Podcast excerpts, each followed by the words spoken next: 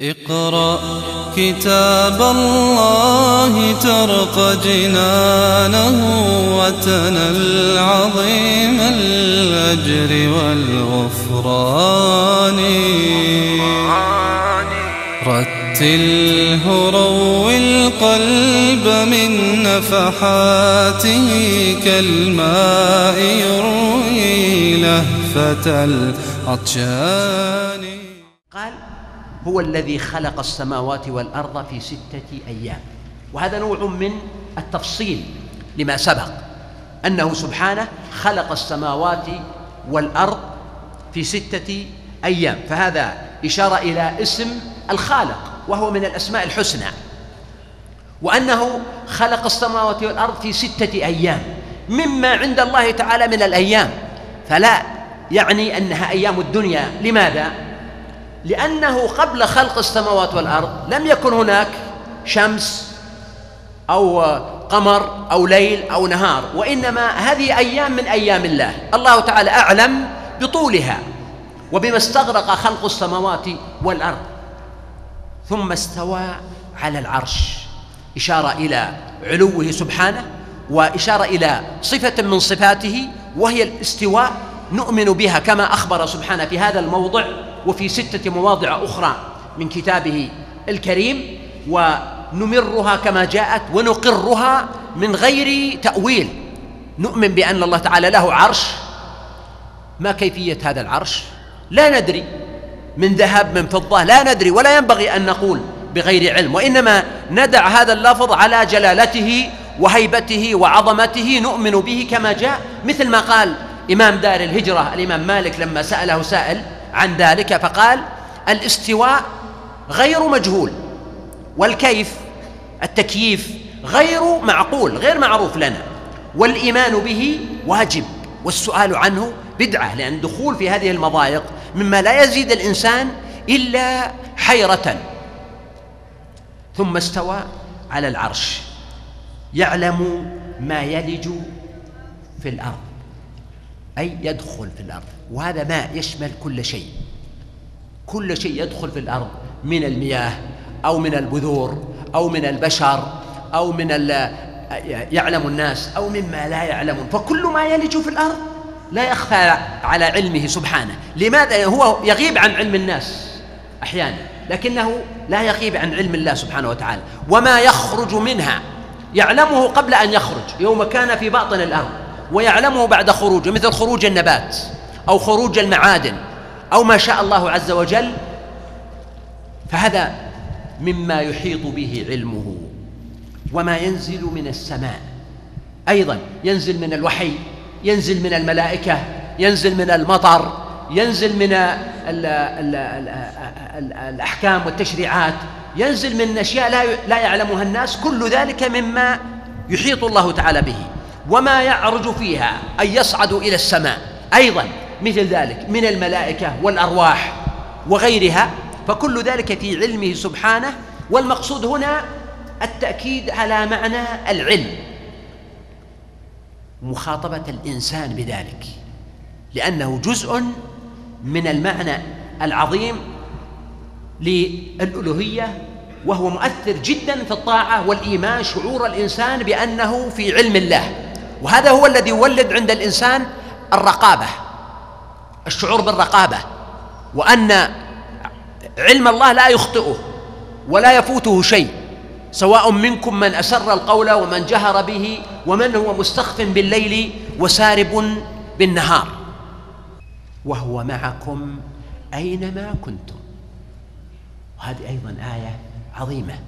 وهو معكم معكم بعلمه. كما يقتضيه السياق.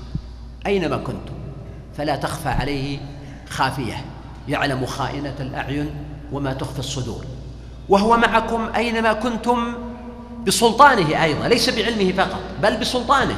فإن الإنسان لا يخرج من سلطان الله سبحانه وتعالى. لا تنفذون إلا بسلطان. وهو معكم أينما كنتم بحفظه وكلاءته. كما قال سبحانه له معقبات من بين يديه ومن خلفه يحفظونه من أمر الله. فإذا جاء القدر خلوا بينه وبين الأمر الذي ينزل به. فهذا من معاني قوله وهو معكم أينما كنتم فإذا كانت عين الله تراقبكم وترعاكم وعلمه معكم وسلطانه عليكم وحفظه وكلاءته لكم فلماذا يكون الإنسان غافلا؟ عن ذلك صادا معرضا عنه. ولهذا قال والله بما تعملون بصير. فأثبت لله تعالى البصر أيضا. واعتنى بقضية عمل الإنسان. وهذا تأكيد لما ذكرته قبل أن المقصود أن المدار كله على مخاطبة الإنسان. ثم قال سبحانه له ملك السماوات والأرض وإلى الله ترجع الأمور. هنا أعاد قضية ملك السماوات والأرض لكن أعادها من أجل أن يبني عليها حكما آخر أو قضية أخرى أو حقيقة أخرى وهي الرجوع. فالله تعالى له ملك السماوات والأرض وإليه ترجع الأمور. فالخلق منه وإليه وإلى الله ترجع الأمور. المقصود جمع أمر وأولى وأول ما يشمله ذلك البشر يعني رجوعهم إلى الله سبحانه كما قال إن إلى ربك الرجعى وكما قال سبحانه وإليه النشور. فهنا قول وإلى الله ترجع الأمور. يولج الليل في النهار ويولج النهار في الليل. يولج الليل في النهار أي يدخل الليل في النهار. وهذا يشمل أحد معنيين. إما أن يكون المعنى أن الليل يأخذ من النهار والنهار يأخذ من الليل لأن هذا يطول وهذا يقصر بين الصيف وبين الشتاء. فمن المعروف أنه كل يوم يتغير. الليل عن النهار بالزيادة والنقصان يأخذ هذا من هذا أو العكس. فهذا من معنى الإيلاج. وأجود من أن نقول إن معنى يولج الليل في النهار ويولج النهار في الليل ما نلاحظه من أنه عند غروب الشمس أو عند طلوعها يبدأ الظلام في الزوال ويبدأ النور في الظهور أو العكس. فهذا في معنى الإيلاج أنه النهار يحل محل الليل والليل يحل محل النهار. وهنا لما يقول يولج الليل في النهار بدأ بأو... بأيهما؟ بالليل أو بالنهار؟ أكيد.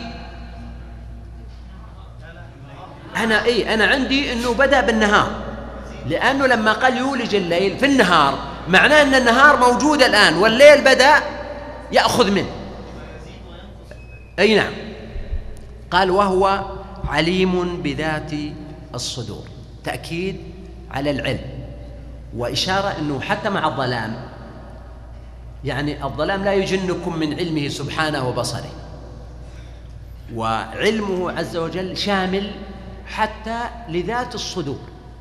يعني للأسرار التي في صدرك لم تحدث بها أقرب الناس إليك. بل شامل لما هو أبعد من ذلك. لذات الصدور الأشياء التي في نفسك وأنت نفسك ما علمت بها. فالله تعالى يعلمها. ويمكن عندك سر أنت لا تدري عنه. هناك ما يسمونه بالعقل الباطن أو اللاوعي. هذا أصبح اليوم حقيقة ليس مجرد شعار أو كلمة تقال. تبين للعلماء أن هناك مخزون عند الإنسان من المعلومات والمؤثرات والذكريات والأشياء الإنسان لا يدري عنها. وهي تؤثر على سلوكه وعلى تصرفاته وعلى مواقفه وعلى انطباعاته وأحاسيسه وتصرفاته. وهو لا يدري في الغالب لا يدري عنها. الله سبحانه وتعالى يعلم ذلك. وهذا كله داخل في قوله وهو عليم بذات الصدور التي لا زالت ملازمة للصدر لم تخرج منه بعد ولم يعلم بها أقرب الناس إلى صاحبها بل لم يعلم بها صاحبها. فهذا تأكيد على أن مدار ذلك كله على ترقية الإنسان وصناعة الوعي عند الإنسان والإحساس بالرقابة الإلهية. هذا المقطع والله أعلم هو المقطع المكي من السورة نحو ست آيات. فالذي يظهر لي أن هذا المقطع هو الذي نزل بمكة. وفي هذا المقطع حوالي ستة عشر اسما من أسماء الله الحسنى. دعونا نستذكرها. قوله وهو العزيز الحكيم. اثنين ها؟ له ملك السماوات والأرض هذا الملك. ثم المحيي المميت إن قلنا إنها أسماء.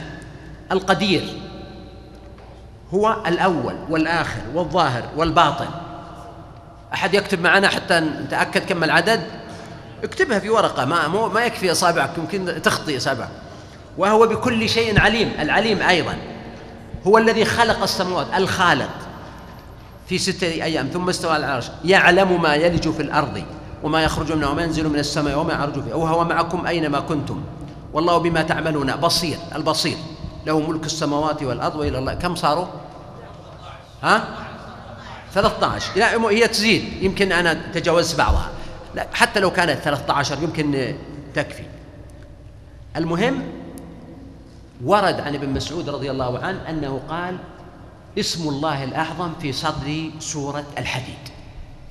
وهذا حديث من أحاديث عدة. فنقول إن هذا يضاف يعني هذا المقطع في صدر السورة من الورد كأنه من الورد أن يقرأه الإنسان وينادي به ربه لأنه جامع.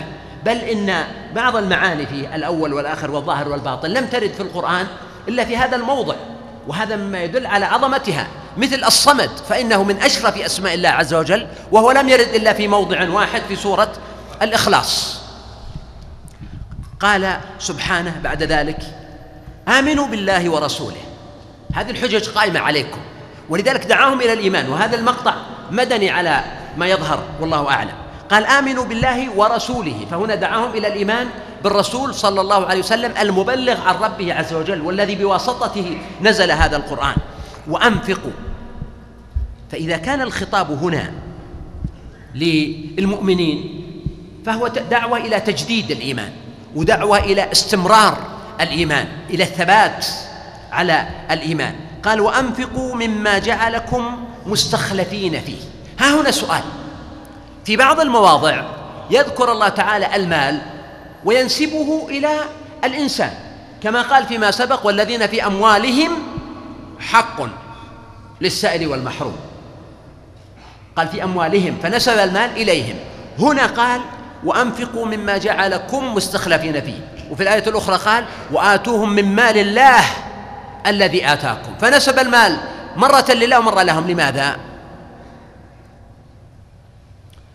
الجواب أنه إذا كان المقام مقام مدح وثناء للمنفقين نسب المال إليهم. قال في أموالهم حق. يعني هم يعتقدون أن في أموالهم حق للسائل والمحروم.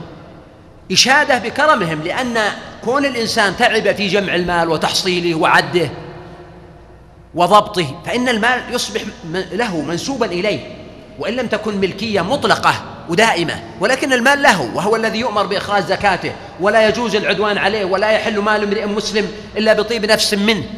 فإذا أخرجه كان هذا تفوقا على الشح ومن يوق شح نفسه فأولئك هم المفلحون. فيكون نسبة المال لهم ثناء عليهم. أما إذا كان المقام مقام دعوة إلى الإنفاق وحفز وحث فإنه يقول ما لله أو يقول هنا كما قال وأنفقوا مما جعلكم مستخلفين فيه.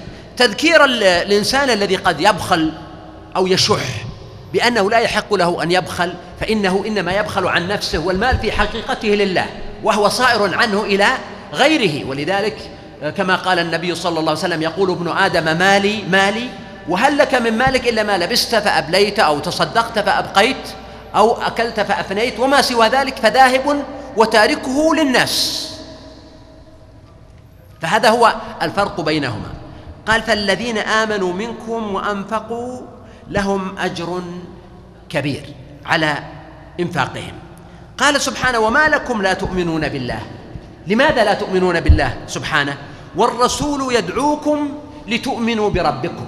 يعني الرسول صلى الله عليه وسلم حاضر بين أظهركم ويدعوكم وأنتم ترونه وتسمعونه عليه الصلاة والسلام بالنسبة للذين عاصروه. وقد أخذ ميثاقكم إن كنتم مؤمنين. من هو الذي أخذ ميثاقكم؟ الله سبحانه وتعالى. نعم. فهذا إشارة إلى قوله وإذ أخذ ربك من بني آدم من ظهورهم ذريتهم وأشهدهم على أنفسهم ألست بربكم؟ قالوا بلى شهدنا. وهي إحالة. يمكن يجي واحد يقول أنا ما أذكر الميثاق. وهنا يقول وقد أخذ ميثاقكم. فنقول هذه إحالة إلى ما يعلمه الإنسان في نفسه وما يعلمه البشر في أنفسهم من أن الفطرة تدل على الله سبحانه وتعالى. وأن الإنسان لو اهتدى بفطرته ولم يعاندها ولم يقاومها واستجاب لها فإنها تدله على الله وتهديه إليه بإذن الله تعالى وفضله. فإن الآيات المبثوثة في الكون والمبثوثة في النفس والعقل يرشد إلى الله ويدل عليه والنفس أيضا فإن فيها فقرا وعطشا وجوعا واضطرارا لا يسده إلا الإيمان بالخالق. ولهذا قال سبحانه من يشرك بالله فكأنما خر من السماء فتخطفه الطير أو تهوي به الريح في مكان سحيق. فلا تتحقق وتكتمل إنسانية الإنسان إلا بالإيمان بالله الخالق جل وعز. فهذا مما يجده الناس في فطرتهم. ولذلك قال وقد أخذ ميثاقكم إن كنتم مؤمنين. وخاصة إذا جاءت الرسل والأنبياء بالوحي وبالإعجاز وبالدلائل البينات الباهرات القاهرات والعرب يتداولون قصة مشهورة هي قصة حي بن يقظان. وهي قصة مشهورة مؤداها أن الإنسان لو عاش طفل صغير بين بهائم وحيوانات أو في غابة أو ما أشبه ذلك فإنه يهتدي في نهاية المطاف إلى الإيمان بالله الخالق المبدع ولكنه بطبيعة الحال لا يستطيع أن يهدي إلى تفاصيل صفات الله ولذلك تاه الفلاسفة الذين دخلوا في أبواب الصفات والأسماء وضيعوا أوقاتهم في غير طائل كما قال قائلهم نهاية إقدام العقول عقال وأكثر سعي العالمين ضلال. ولم نستفد من كدنا طول عمرنا سوى أن جمعنا فيه قيل وقالوا وأرواحنا في وحشة من جسومنا وغاية دنيانا أذى ووبال. فإذا الإنسان يهتدي إلى الإيمان بوجود الله لكن لا يستطيع أن يهتدي إلى معرفة تفاصيل أسمائه وصفاته إلا عن طريق الوحي. ولا إلى تفاصيل شرعه أيضا إلا عن طريق الوحي.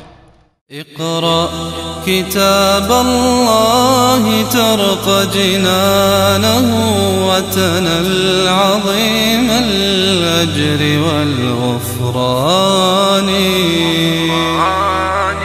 رتله روي القلب من نفحاته كالماء يروي لهفة العطشان